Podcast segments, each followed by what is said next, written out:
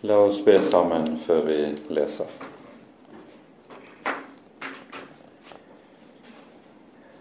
Kjære gode Herre, vi takker og lover deg for all din godhet imot oss. Takk, Herre, at du kaller oss sammen om dine gode ord, og at du har lovet å møte oss i ordet og gjennom ordet. Vi ber deg, Herre, kom du og vær hos oss slik du har lovet, og åpenbar ordet, og gi oss stillhet for ditt ansikt.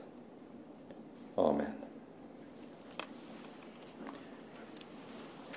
Vi gir oss altså i kast med det 14. kapittelet, og vi eh, leser nå innledningsvis hele kapittelet i sammenheng i Jesu navn. I Ikonium gikk de sammen inn i jødenes synagoge, og de talte slik at en stor mengde, både av jøder og grekere, kom til troen. Men de jøder som ikke ville tro, egget opp hedningenes sinn til fiendskap mot brødrene. Likevel ble de der en ganske lang tid. De talte frimodig i Herren som ga sitt eget nådesord vitnesbyrd idet han lot tegn og under skje ved deres hender. Men folket i byen delte seg. Noen holdt med jødene, andre holdt med apostlene. Det ble et oppløp av både hedninger og jøder med deres ledere, som hadde planer om å mishandle og steine dem.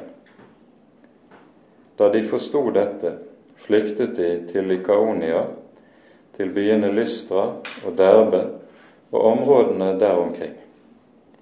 Der forkynte de evangeliet en tid. I Lystra satt der en mann som var lam i føttene. Han var vannfør fra fødselen av og hadde aldri kunnet gå. Denne mannen hørte, Pet, hørte Paulus tale. Paulus så nøye på ham og da han så at han hadde tro til å bli helbredet, ropte han, Reis deg og stå på dine føtter. Da sprang han opp og gikk omkring. Men da folket så det som Paulus hadde gjort, begynte de å rope på lykaonisk. Gudene er blitt mennesker lik og er kommet ned til oss. De kalte Barnabas for Sefs og Paulus for Hermes, fordi det var han som førte ordet. Og presten ved Sefstempelet, som lå utenfor byen, kom med okser og kranser til eh, porten og ville ofre sammen med folkemengden. Men da apostlene Barnabas og Paulus hørte det, flerret de klærne sine og sprang ut i folkemengden og ropte:" Hva er det dere gjør, menn? Også vi er mennesker under samme vilkår som dere, og vi forkynner dere evangeliet, at dere skal vende dere bort fra disse falske guder til den levende Gud, Han som gjorde himmelen og jorden og havet og alt som er i dem. I tidligere slekters tid har han latt alle hedningefolkene vandre sine egne veier men han lot seg ikke uten vitnesbyrd.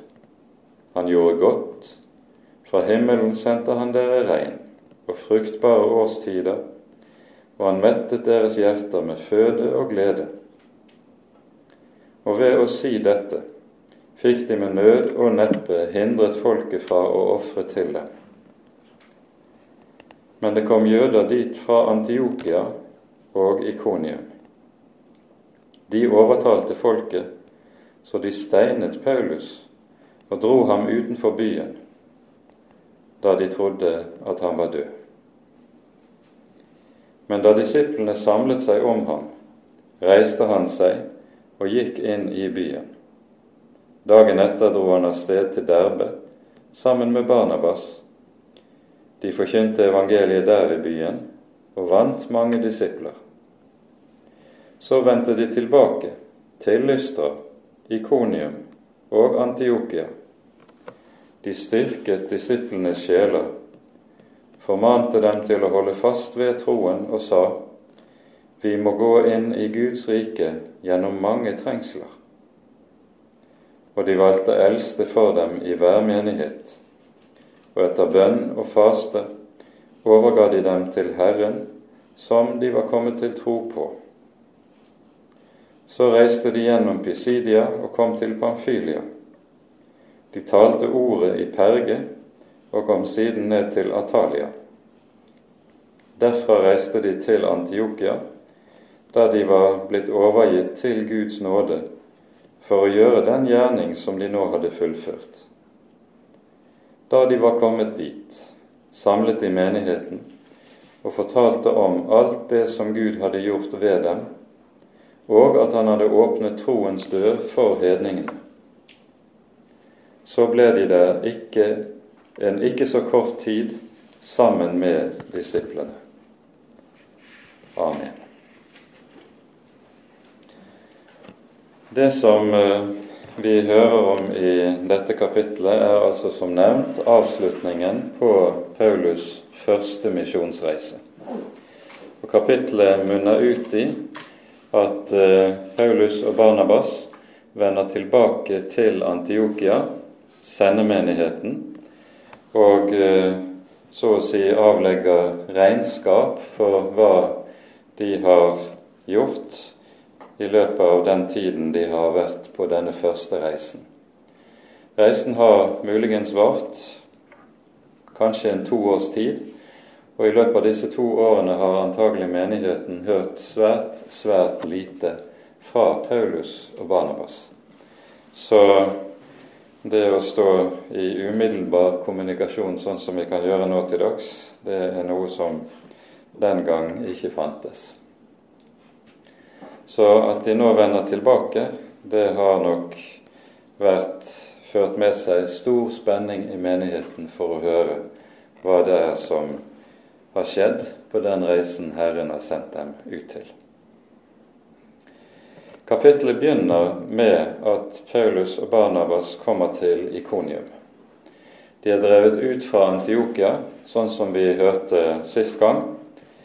Um, og Ikonium er en ganske betydelig by. Den var hovedstad i den romerske provinsen Galatia. Eh, man skal ikke blande sammen det som heter den romerske provinsen Galatia. Det var en administrativ størrelse innenfor Romerriket med det som heter landskapet Galatia. Landskapet Galatia var en god del lenger nord, på den nordlige delen av den tyrkiske halvøyen. Og eh, det er dit Galaterbrevet er rettet. Men provinsen hadde altså av romerne fått benevnelsen Galatia. Og Ikonium er hovedstad, en betydelig by, som lå en, uh, mer enn ti mils vei fra Antiokia. Hvilket innebærer at går man direkte fra Antiokia til Ikonium, så vil det i hvert fall ha vært tre ganske drøye dagsmarsjer de hadde på denne veien. Det står at de gikk inn i jødenes synagoge i entall. Det innebærer antagelig at det bare var én synagoge i byen, og dermed altså en relativt liten jødisk befolkning. Men det sies eh, veldig tydelig de talte slik at en stor mengde både av jøder og grekere, kom til tro. Det er altså slik at også i synagogen her er det en, et større antall grekere eller hedninger som sympatiserer med jødenes tro. Um, I parentes kan vi nevne at i um, man skjelnet mellom to slag av slike eh, hedninger som var kommet til tro på Israels Gud. Det ene er de som kalles for proselytter. Det er de som har gått hele veien og latt seg omskjære, og slik bli fullstendig innlemmet i det jødiske folk. Og Dernest har du den gruppen som i apostelgjerningene kalles for de gudfryktige hedninger. Kornelius, f.eks., som vi hører om i det tiende kapittel, var en slik. Han er en som tror på Israels Gud og etterlever Moseloven så langt han kan, uten likevel å være omskåret. Dette er de gudfryktige. Og eh, i synagogen i Ikonium har det altså vært en god del av også slike, og nå kommer de til tro ved å høre evangeliet. Og så skjer det her som skjer overalt der evangeliet blir forkynt. Folket deles. Der skapes evangeliet, skaper fiendskap der hvor det ikke skaper tro. Av og til slår dette fiendskapet voldsomt ut. Det hører vi flere steder i apostlenes gjerninger. Det vi hører i vers 2, de jøder som ikke ville tro, egget opp hedningenes sinn. I noen bibeloversettelser står det oversatt slik de forgiftet hedningenes sinn. Til fiendskap mot brødrene og med brødrene siktes det altså til de som er kommet til tro. Likevel sies det altså at de eh, blir en god stund, en ganske lang tid, sies det, i Ikonium. Det er mulig at de rett og slett, Paulus og Barnabas, blir over vinteren i Ikonium uten at fiendskapet topper seg. Og det vi hører de talte frimodig i Herren, som ga sitt eget nådesord vitnesbyrd i det han lot tegn og under skje ved deres hender. Dette er jo noe som vi hører om flere steder i apostlenes gjerninger, at Gud selv vitner, bevitner evangelieforkynnelsen gjennom tegn og under. I Hebrebrevets annet kapittel understrekes dette ganske sterkt. Der eh, hører vi det sies eh, i vers 3 og vers 4 i Hebreerne 2 denne frelse som først ble forkynt av Herren, ble stadfestet for oss av dem som hadde hørt ham. Og Gud selv vitnet med, både ved tegn og under og mange slags kraftige gjerninger, og ved å gi Den hellige ånd etter sin vilje.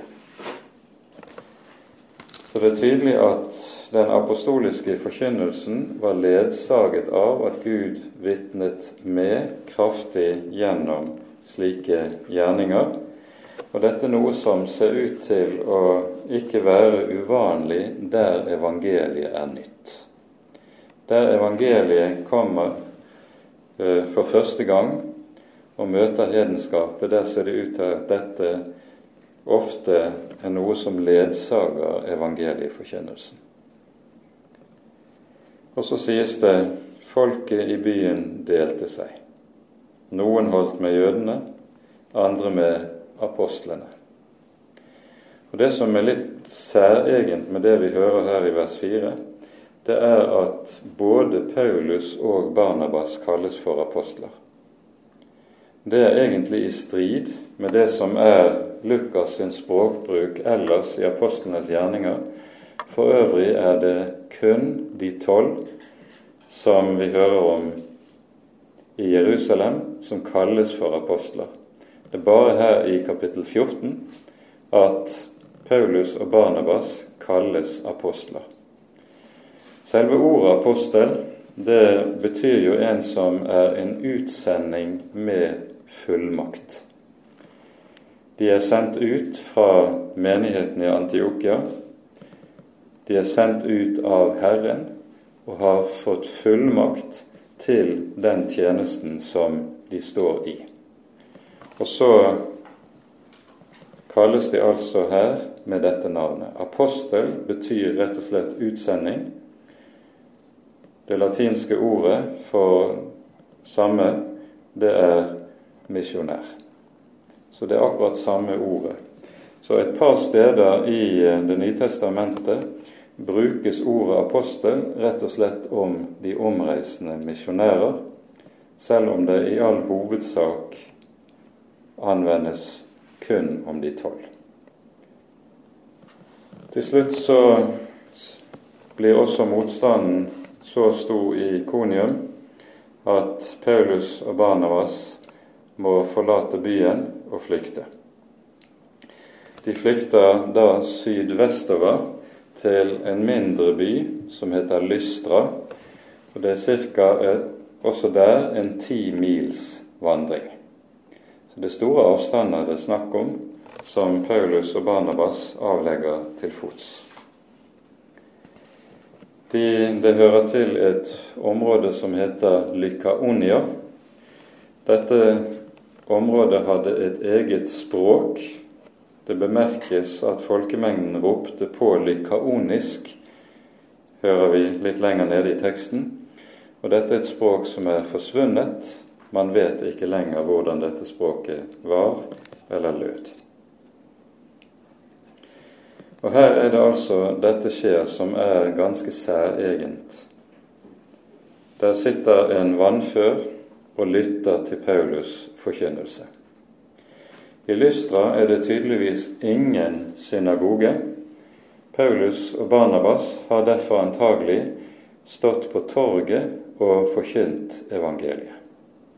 Torget var jo ellers i greske byer den vanlige møteplassen der folk kom for å høre nytt, og derfor var dette, hvis det ikke var synagoge, så var det det stedet der de naturlig ville tre frem og forkynne. Her på torget sitter det da en mann som er lam fra fødselen av, sies det.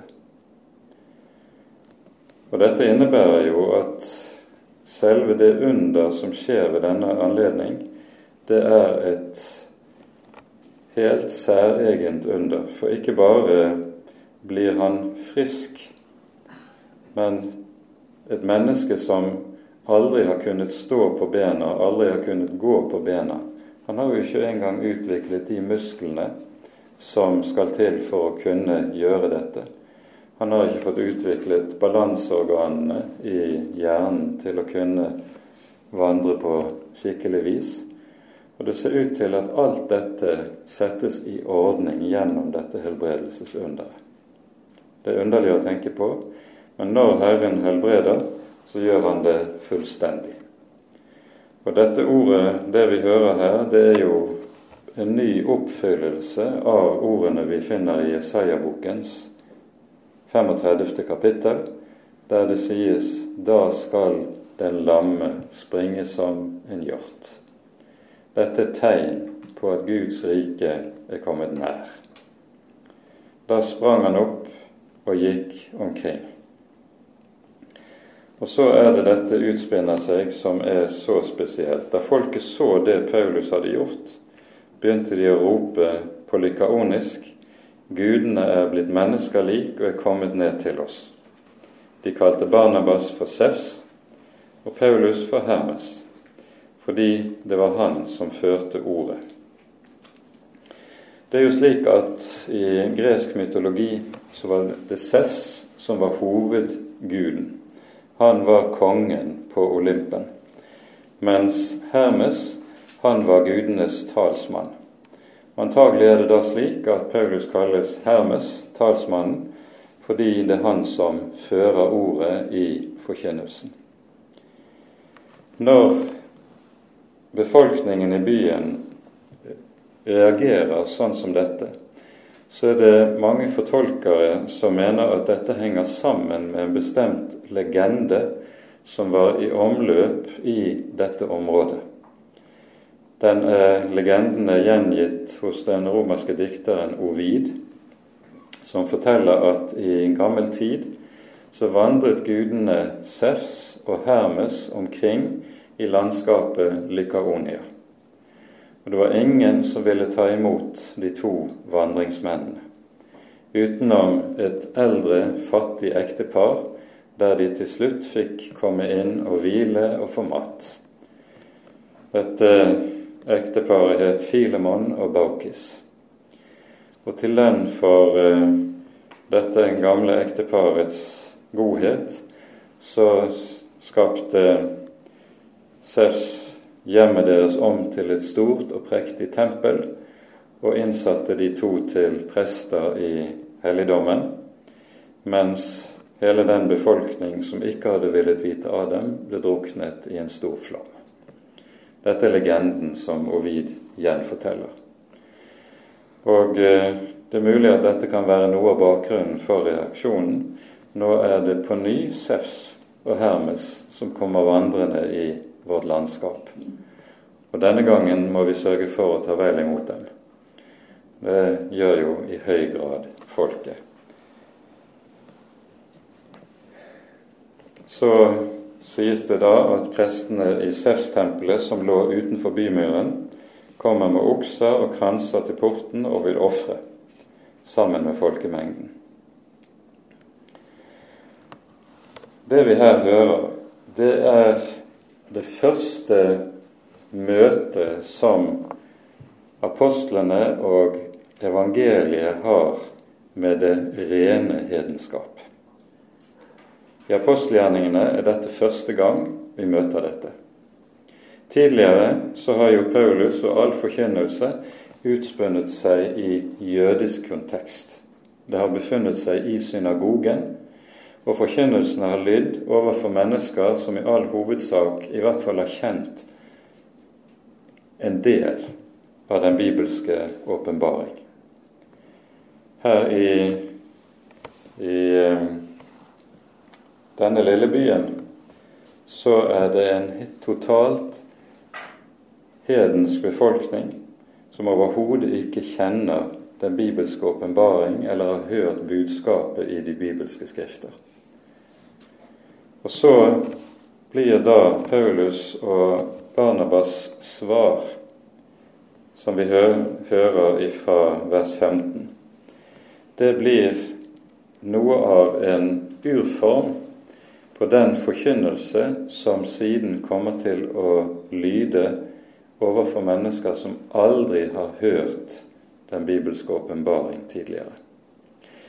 I korthet dette er, vi hører her, det er i kort form det vi senere hører langt mer fyldig gjengitt i Paulus tale på Areopagos i det 17. kapittel i Apostlenes gjerninger.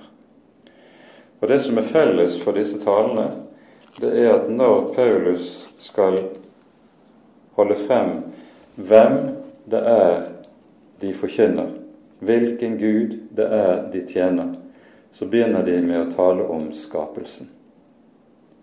Og Dette er ganske viktig å være oppmerksom på. Vi leser. De, det tar en liten stund før Paulus og Barnabas skjønner hva som foregår. Og Årsaken til dette ligger jo i at det folket roper 'Gudene er blitt mennesker lik', det roper de på lykaonisk. Og det er et språk som Paulus og Barnabas ikke forstår. De taler gresk, eh, og befolkningen forstår gresk. Men eh, det tar altså litt tid før Paulus og Barnabas skjønner hva som egentlig foregår. Men når de skjønner det, da kommer reaksjonen sånn som vi leser i vers 14. Da de hørte det, flerret i klærne sine og sprang ut i folkemengden og ropte. Og så kommer det. Hva er det dere gjør, menn? Også vi er mennesker under samme kår som dere, og vi forkynner dere evangeliet, at dere skal vende dere bort fra disse falske guder til den levende Gud, Han som gjorde himmelen og jorden og havet og alt som i dem er. I det tolvte kapittel så hørte vi om hvorledes Herodes Agrippa ble slått og døde fordi han gjorde seg selv til Gud. Dette var en Guds dom over Herodes Agrippa. Her er det vi møter den stikk motsatte reaksjonen hos Paulus og Barnabas. De vil slett ikke dyrkes eller tilbes. Vi er jo mennesker under samme vilkår som dere. Og så legg merke til hvordan de beskriver evangeliet. Vi forkynner dere evangeliet, det glade budskap, nemlig at dere skal vende dere bort fra disse falske guder. I første Tessalonika-brev så beskrives tessalonikernes omvendelse nettopp med ord som svarer til dette. Ehm, vi leser i 1. Tessalonika-brev kapittel 1 fra vers 9. Og Paulus sier de forteller selv om den inngang vi fikk hos dere. Paulus minner om hva som skjedde da han kom til Tessaloniki og menigheten kom til tro. Dere omvendte dere til Gud fra avgudene for å tjene den levende og sanne Gud, og vente på Hans Sønn fra himlene, Han som Gud reiste opp fra de døde, Jesus, Han som frir oss fra den kommende vrede. Altså Omvendelsen beskrives som nettopp å vende om fra avgudsdyrkelsen til den levende Gud. I eh, ordene som vi hører her i apostelgjerningene 14, så sier Paulus dere skal vende dere bort fra disse falske guder. Og Dette er jo noe som er et hovedtema i store deler av den gammeltestamentlige forkynnelse gjennom profetene. Særlig hos profeten Jesaja er dette et hovedtema når du kommer fra kapittel 40 av og utover. Profeten gjør rett og slett narr av avgudsdyrkelsen. Han kan i kapittel 41 eksemplifisere dette med at han som lager avgudsbilder, han hogger ned et tre. Så deler han opp stammen i stykker. Halvparten av den bruker han til ved på peisen. Og av den andre halvparten av veden smir han eller hogger han til et avgudsbilde, og så faller han ned for det. Dette er profetenes forkynnelse for å illustrere hvilken dårskap avgudsdyrkelsen egentlig innebærer. Og I eh, Det gamle testamentet så brukes det til dels veldig drastiske ord om avgudene som du finner i hedenskapet. Ord, det er såpass drastisk at de oversettes ikke i våre bibeloversettelser. Våre bibeloversettelser er av og til litt forskjønnende eller skjønnmalende i, når de oversetter. Avgudene kalles rett og slett for møkkguder. Det er et uttrykk som brukes relativt ofte og i flere sammenhenger. For å gjøre klart hva disse gudene egentlig er for noe. Der er ingen avgud til, lærer vi i Det nye testamentet. Og Paulus skriver de makter som står bak avgudsdyrkelsen, det er dypest sett onde åndsmakter som holder menneskene i fangenskap der hvor denne dyrkelsen praktiseres. Dette skriver Paulus i det tiende kapittelet i første Korinterbrev. Så evangeliet det handler altså helt grunnleggende om å vende seg fra de falske guder til den levende Gud. Og I denne sammenheng er det ikke tilfeldig at Paulus om Israels Gud bruker betegnelsen 'den levende Gud'. Det er en betegnelse som anvendes i, ikke minst i Det gamle testamentet for å markere forskjellen på hvem Han som er den sanne og den eneste Gud, er, og avgudene. Avgudene døde. De kan ikke hjelpe noen. De, sånn som vi hører i Salme 115, De har munn, men kan ikke tale. De har øyne, men kan ikke se. De har hender, men kan ikke røre seg. Føtter, men kan ikke gå. Slik omtales de. Avgudene er døde guder. Mens Israels Gud, han er den levende Gud, som er virksom til stede i hele sitt skaperverk. Og Derfor fortsetter Paulus med å si dere skal vende dere bort fra disse falske guder til den levende Gud, Han som gjorde himmelen og jorden og havet og alt som i dem er. Han er skaperen. Han er skaperen. Og Det som er viktig i denne sammenheng å være klar over, det er at i hedenskapet, der ble forskjellen mellom guder og mennesker utvisket. Det var ingen vesensforskjell mellom guder og mennesker slik man tenkte i hedenskapet. Det var bare en gradsforskjell. Gudene var større enn menneskene. De var mektigere, de levet lenger osv. Men vesensforskjellig fra mennesker var de ikke. Dette ser man f.eks veldig tydelig av de ulike skapelsesmytene som du finner i antikken.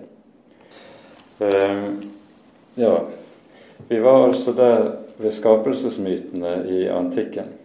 Og Det som kjennetegner disse skapelsesmytene, det er at de også er det man kaller for teogonier. Det er altså myter om hvordan gudene blir til. Det er ikke bare myter som skal fortelle om hvordan verden blir til og mennesket blir skapt osv., men det er myter som også forteller om hvordan gudene blir til. Og gudene blir laget eller blir til av samme stoff som skaperverket for øvrig. Hvilket innebærer altså at det er ingen vesensforskjell mellom guder og mennesker. Og det er poenget.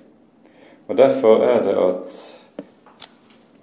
denne, det er denne tenkning som ligger bak at vi hører en reaksjon som sier om Paulus og Barnabas de er guder som er kommet i menneskeskikkelse.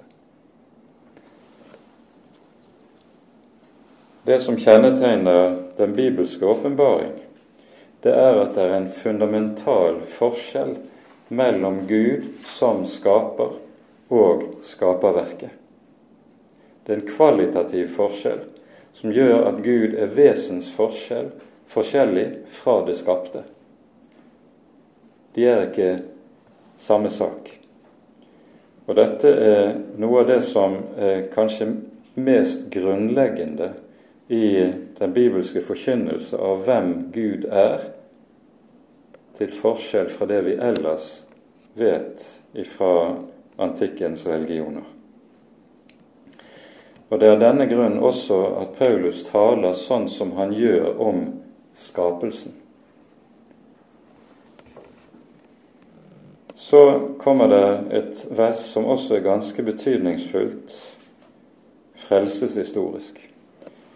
Det sies litt om hvordan Gud har styrt historien, og det sies i vers 16.: I tidligere slekters tid har han latt alle hedningefolk vandre sine egne veier. Det er en periode i historien der Gud nettopp har så å si overlatt folkeslagene til dette å vandre sine egne veier. Bibelen forteller om når så skjer. Det er nemlig dette som skjer ved Babels tårn. I forbindelse med det vi hører med Babels tårn, så har generasjonen etter syndfloden den har vokst, menneskeheten er på ny blitt tallrik, og det som så å si er ursynden fra, fra syndefallet, nemlig at mennesket guddommeliggjør seg selv. Dere skal bli like som Gud. Det menneskelige hovmod, det kommer til uttrykk i at menneskeheten vil reise seg sitt Babelstårn, som skal symbolisere det at mennesket Det sies jo uttrykkelig 'vi vil gjøre oss et navn'. Det er det menneskelige hovmot som symboliserer en kultur som reiser opprør mot Gud. Det er fra dette tidspunkt av at Gud adsprer folkeslagene. Dette skjer gjennom språkforvirringen. Og det er fra dette tidspunkt av Gud begrenser sin åpenbaring til utelukkende å skje i Abrahams ett. For det er på denne tid Abraham utvelges. Før historien om Babels tårn så hører vi at Gud åpenbarer seg og forholder seg til menneskeheten som helhet.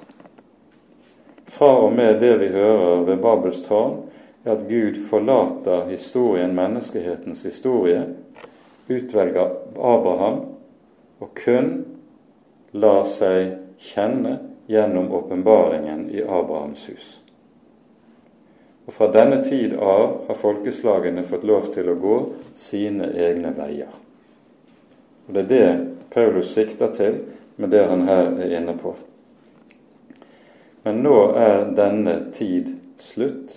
Nå vender Herren fra og med pinsedagen tilbake også til hedningefolkene og lar seg kjenne, åpenbare seg også for hedningene, nemlig gjennom forkynnelsen av evangeliet.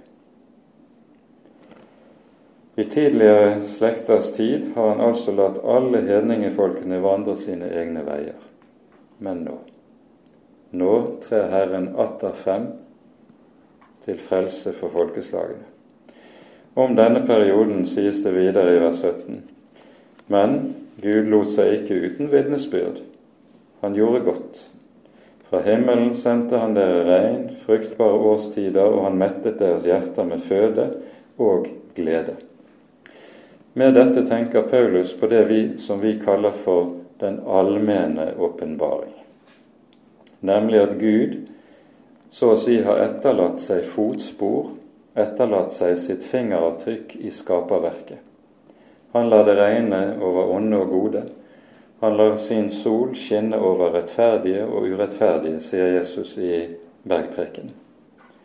Og I Romerbrevet kapittel 1 omtales også denne allmenne åpenbaring i skaperverket fra vers 20.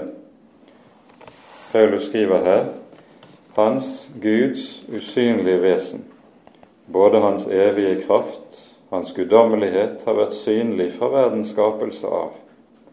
Det kjennes av Hans gjerninger for at de skal være uten unnskyldning. Altså Gud åpenbarer seg som skaperen og den som opprettholder skaperverket gjennom det, det skapte, den skapte virkelighet.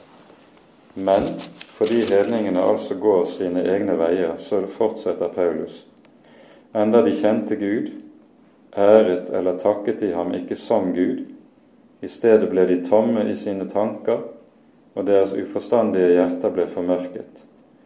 Mens de ga seg ut for å være vise, ble de dårer. Og de byttet den uforgjengelige Guds herlighet bort mot et bilde, en avbildning av et forgjengelig menneske, av fugler og firbente dyr og krypdyr. Det er hedenskapet. Poenget med dette er at Paulus, når han skriver slik, så vil han peke på at Gud også har gitt hedningene grunn, en grunnleggende eh, kjennskap til hvem han er. Men denne åpenbaring har hedningene ikke tatt vare på. Og da er det slik at når mennesket ikke tar vare på den åpenbaring som Gud gir det, da blir det fratatt også det lys det har hatt. Altså Gud tar fra mennesket det lille lyset de allerede har hatt tidligere, og så blir mørket stadig større. Og det er det som da kommer til å prege hedenskapet. Vi leser nå i, eh, videre i kapittel 14. Ved å si dette fikk de med nød og neppe hindret folket fra å ofre til dem det var med nød og neppe. Men så skjer det altså at noen fra synagogen i Antiokia og Ikonium har hørt om hva som foregår i Lystra. Og så reiser de dit. De overtalte folket, står det, så de steinet Paulus. Og Det er underlig å se denne veldige kontrasten. Først er de folket villige til å ofre til Paulus og Barnabas som var de guder. Og deretter, antagelig ikke svært lenge etter dette, så steines Paulus. Steines av en lynsjemobb. For her er det ikke tale om noen formell rettssak som ligger til grunn. Det er ren lynsjing det er snakk om.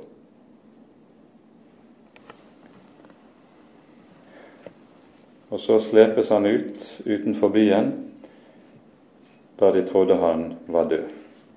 Å bli slengt hen og Det som var vanlig i sånne tilfeller, var at de slengte liket hen på det som var byens søppeldynge. Så fortsetter teksten. Da disiplene samlet seg om ham, reiste han seg og gikk inn i byen. Det at han går inn i byen etter en sånn behandling, sier meget om Paulus' mot. Han blir natten over, får stelt sårene sine, og så drar han dagen etter videre til den lille byen Derbe, som på ny ligger vel ti mil fra Lystra. Det kan antagelig ikke ha vært så helt enkelt å gå de ti milene etter å ha gjennomgått en sånn steining som Paulus her har gjennomgått. Det vi her hører om, det er noe som eh, vi eh, møter eh, reflekser av andre steder i Det nye testamentet. Paulus nevner dette bl.a. for det første i andre Timotius brev, og vi tar oss tid til å lese et par vers der fra kapittel 3.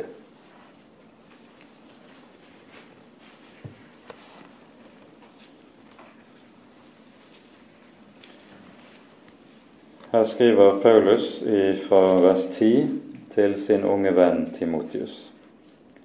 Du har etterfulgt meg i lære, i livsførsel, i forsett, i tro, i tålmodighet, i kjærlighet, i utholdenhet, i forfølgelse, i lidelser, slike som møtte meg i Antiokia, i Konium og Lystra disse navnene skulle være godt kjent nå, når vi har gått gjennom kapittel 13 og 14 i apostlenes gjerninger. Ja, alle slags forfølgelser som jeg har gjennomgått, og Herren har fridd meg ut av dem alle. Og så fortsetter Paulus alle som vil leve gudfryktig i Kristus Jesus, skal bli forfulgt. En gjenklang av dette møter vi også i, her i det 14. kapittel i apostlenes gjerninger. Men når Paulus skriver akkurat dette til Timotius, så henger det sammen med at Timotius antagelig han kom fra dette området.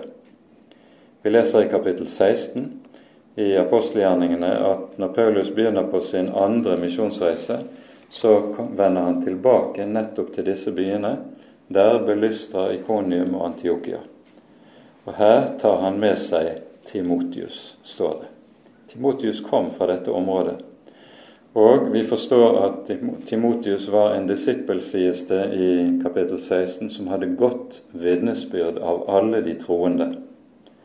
Hvilket innebærer at Timotius antagelig da altså har kommet til tro gjennom Paulus' forkynnelse i disse byene. Vi vet ikke nøyaktig hvilken av disse byene det var, men altså i disse. I 2. Korinterbrev, i det 11. kapittel, så lister Paulus opp all den, alt det han har måttet tåle og utstå for evangeliets skyld. Fra vers 23 i 2. Korinterbrev 11 skriver Paulus om sin lidelse og nevner bl.a. at han en gang har vært steinet. Det er det vi hører om i dette kapittelet. Han nevner en hel rekke andre ting også som ellers ikke er omtalt i apostlenes gjerninger, slik at vi ikke vet når det har skjedd.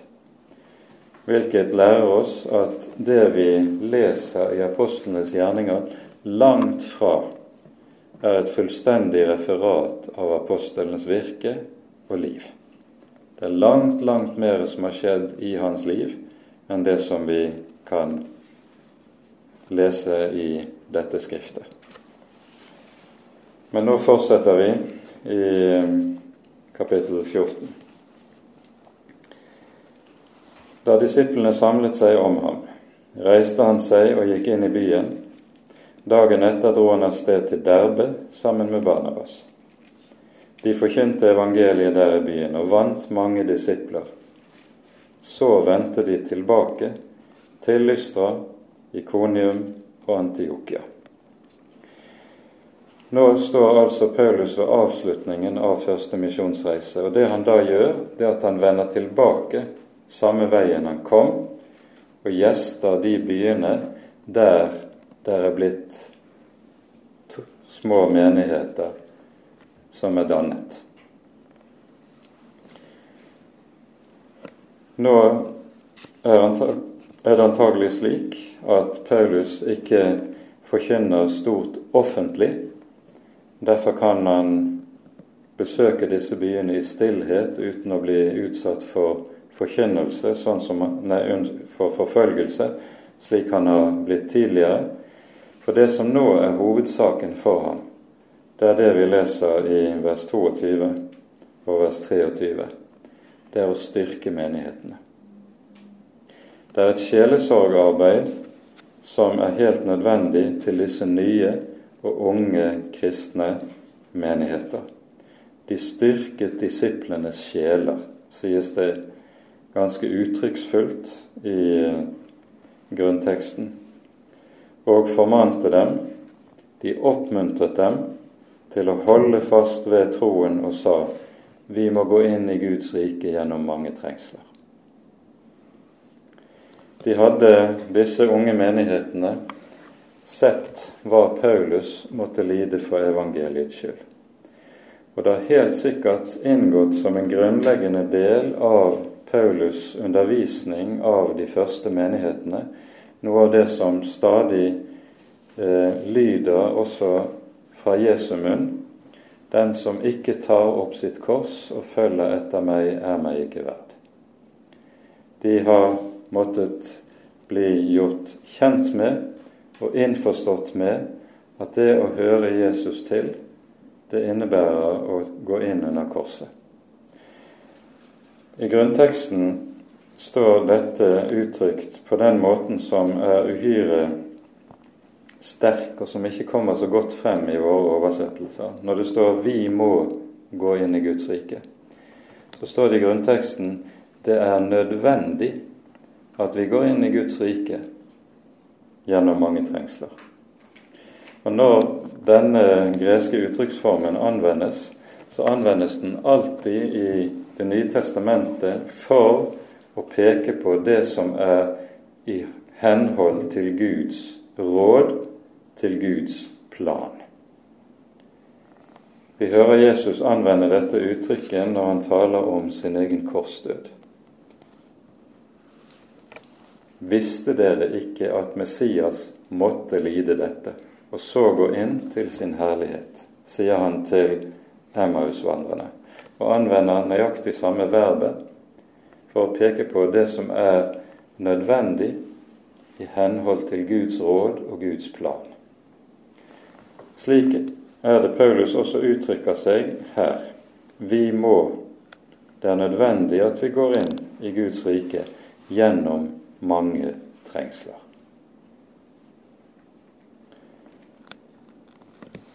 Og så fortsetter teksten. De valgte eldste for dem i hver menighet.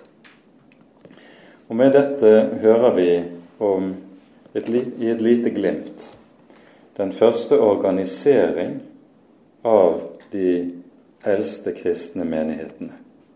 Der velges eldste. Det greske ordet for eldst er presbyter. Og eh, det er det ordet vi har i vårt ord for prest. Eh, men i Det nye testamentet omtales det jo flere slike tjenester i den eldste kristne menighet.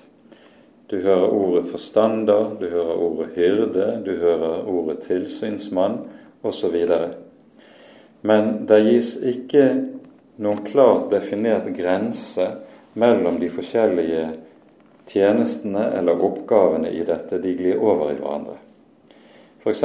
så hører vi i kapittel 20 når Paulus samler menighetslederne i Efesos før han skal reise opp til Jerusalem, så står det at han samler tilsynsmennene Nei, unnskyld, det står at han samler alle presbyterne fra Efesus.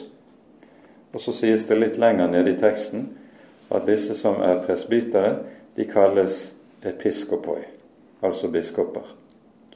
Så det samme ordet, disse to ordene anvendes om hverandre, og det er ikke noen klar definert grense mellom dette. Det at det etter hvert blir et skille mellom prestetjenesten og bispeembetet, det er noe som hører en kirkehistorisk utvikling til, som kommer nokså raskt. Allerede ut tidlig på, i det andre århundret kan vi når vi leser Ignatius-brevene, som er noen av de eldste brevene utenom Det nye testamentet, skrevet rundt år 110, så kan vi lese om at bispeembetet er blitt en egen tjeneste i de eldste kristne menighetene. Så det er altså en utvikling som har gått relativt raskt, men i Det nye testamentet finner du ikke en slik eh, tydelig eh, inndeling i tjenestene. Dette gjør at vi f.eks. i Den lutherske kirke sier at eh, bispeembetet eh, det er en god ordning dersom den fungerer etter Guds ord, men den er ikke nødvendig. I den forstand at det er påbudt i Guds ord. Eh, når man skal si det på teologisk språk, så sier man at bispeembetet hører eh, ikke med til Kirkens esse, men til Kirkens beneesse. Altså ikke til det som er Kirkens vesen, men til det som kan være godt for dens liv og laden. Poenget er i alle fall i dette at når Paulus innsetter eldste, så det, følger Paulus med dette eh, en måte å organisere menighetene på som skjer etter forbildet av det som var ordningen i synagogen.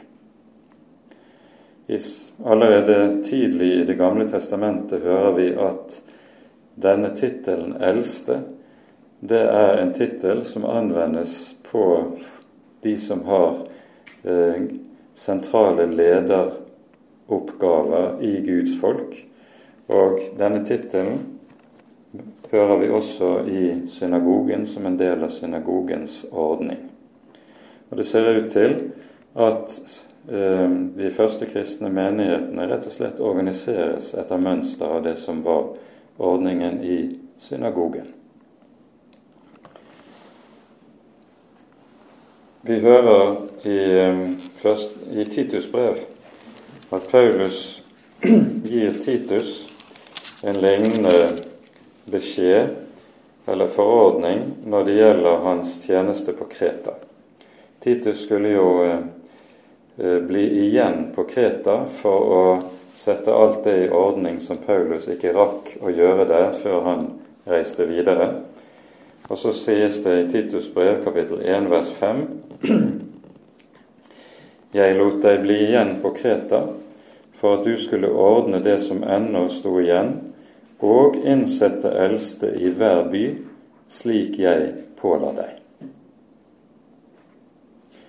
Med dette har en alltid tenkt som så at det at det er de som har denne tjeneste i Guds menighet, vi kaller det for hyrde- og lederansvar i eh, våre dager, det er en guddommelig ordning, det er en apostolisk ordning som er innstiftet av apostlene, og som ikke er et menneskepåfunn.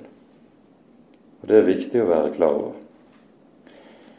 Um, på 1800-tallet så var det moderne blant kirkehistorikere å tenke sånn at den første kristne menighet, den var helt uorganisert. Unnskyld. Der, der fløt alt fordi alt var avhengig av Åndens umiddelbare inspirasjon og ledelse.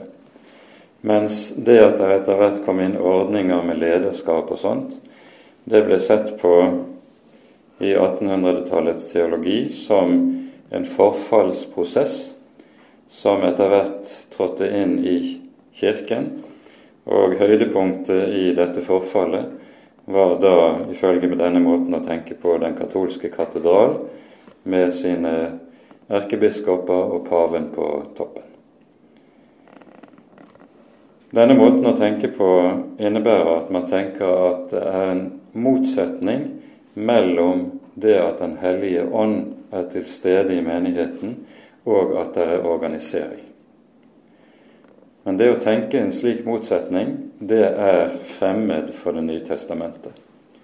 Vi ser at Paulus eh, tvert om sier at i 1. Korinterbrev kapittel 12 at disse tjenester som vi her hører tale om, de er en del av den fordeling som Den hellige ånd gjør i Kristi legeme med tanke på ulike gjerninger og ulike tjenester. Ånden og embetet står ikke i strid med hverandre, for å si det på den måten.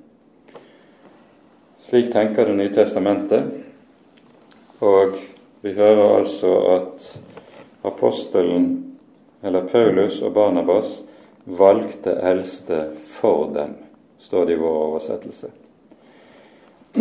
Akkurat her har det vært en del strid blant fortolkerne om hvordan dette skal forstås. For det ordet som brukes i grunnteksten om å velge, det er et ord som eh, egentlig betyr håndsopprekning. Så eh, man, det er mange fortolkere som har ment at eh, de eldste ble valgt etter håndsopprekning i menigheten, og sånn at det er menigheten som altså stemmer over hvem som skal ha denne tjenesten, og så er det apostlene da som i etterkant innsetter den, disse under bånd, under bønn og håndspåleggelse. Um, dette er sannsynligvis ikke riktig slik som teksten gjengis her. Um, og Derfor er vår oversettelse her slik de valgte eldste for dem, Altså at det er apostlene som utpeker menn som de har tillit til, og som de mener kan gå inn i denne tjeneste. Men nettopp denne uenighet om forståelsen av dette verset, det er noe som har fått eh, nedfelt kirkehistorisk i, nettopp i spørsmålet om er det menigheten som skal velge sine prester selv, eller er det skal de utpekes av de som har dertil eh, gitt åndelig ansvar. Og der skilles faktisk ulike kirkesamfunn ad eh, når det gjelder hvordan de tenker om dette. Det behøver jeg ikke si mer om.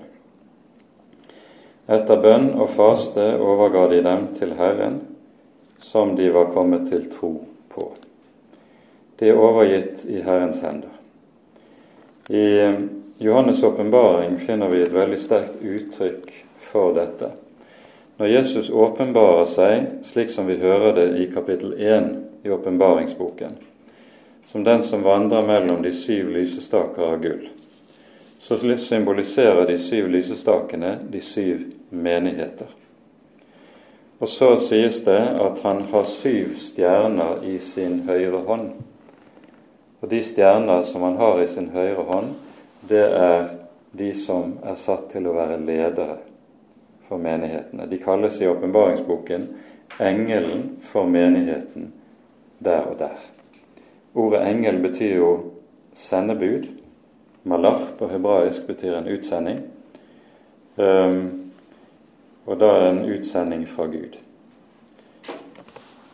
Og det er et veldig sterkt bilde som dermed gis når Jesus åpenbarer seg som den som har menighetens ansvarlige ledere i sin hånd.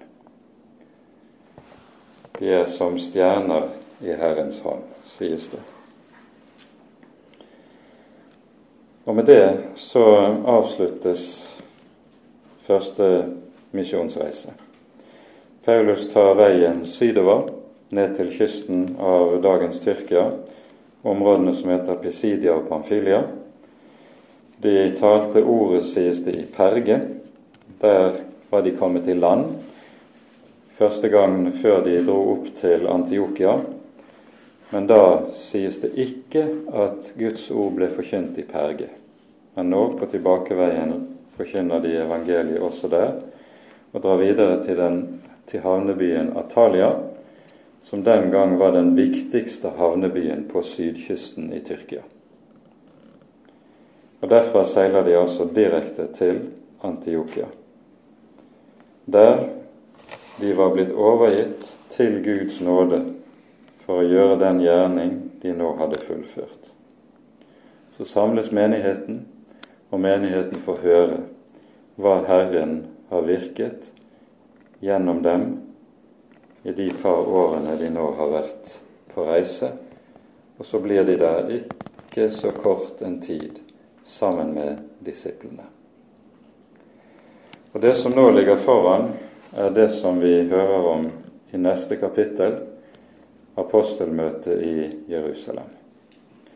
Det er et av de mest sentrale kapitlene i apostelgjerningene, som vi da også skal ta for oss neste gang, for her fattes det en autoritativ avgjørelse under apostelmøtet som har helt avgjørende følger for all senere kirkehistorie. Det blir også det vi skal dykke ned i neste gang. Med dette setter vi punktum i dag. Ære være Faderen og Sønnen og Den hellige ånd, som var og er og være skal en sann Gud, høylovet i evighet. Amen.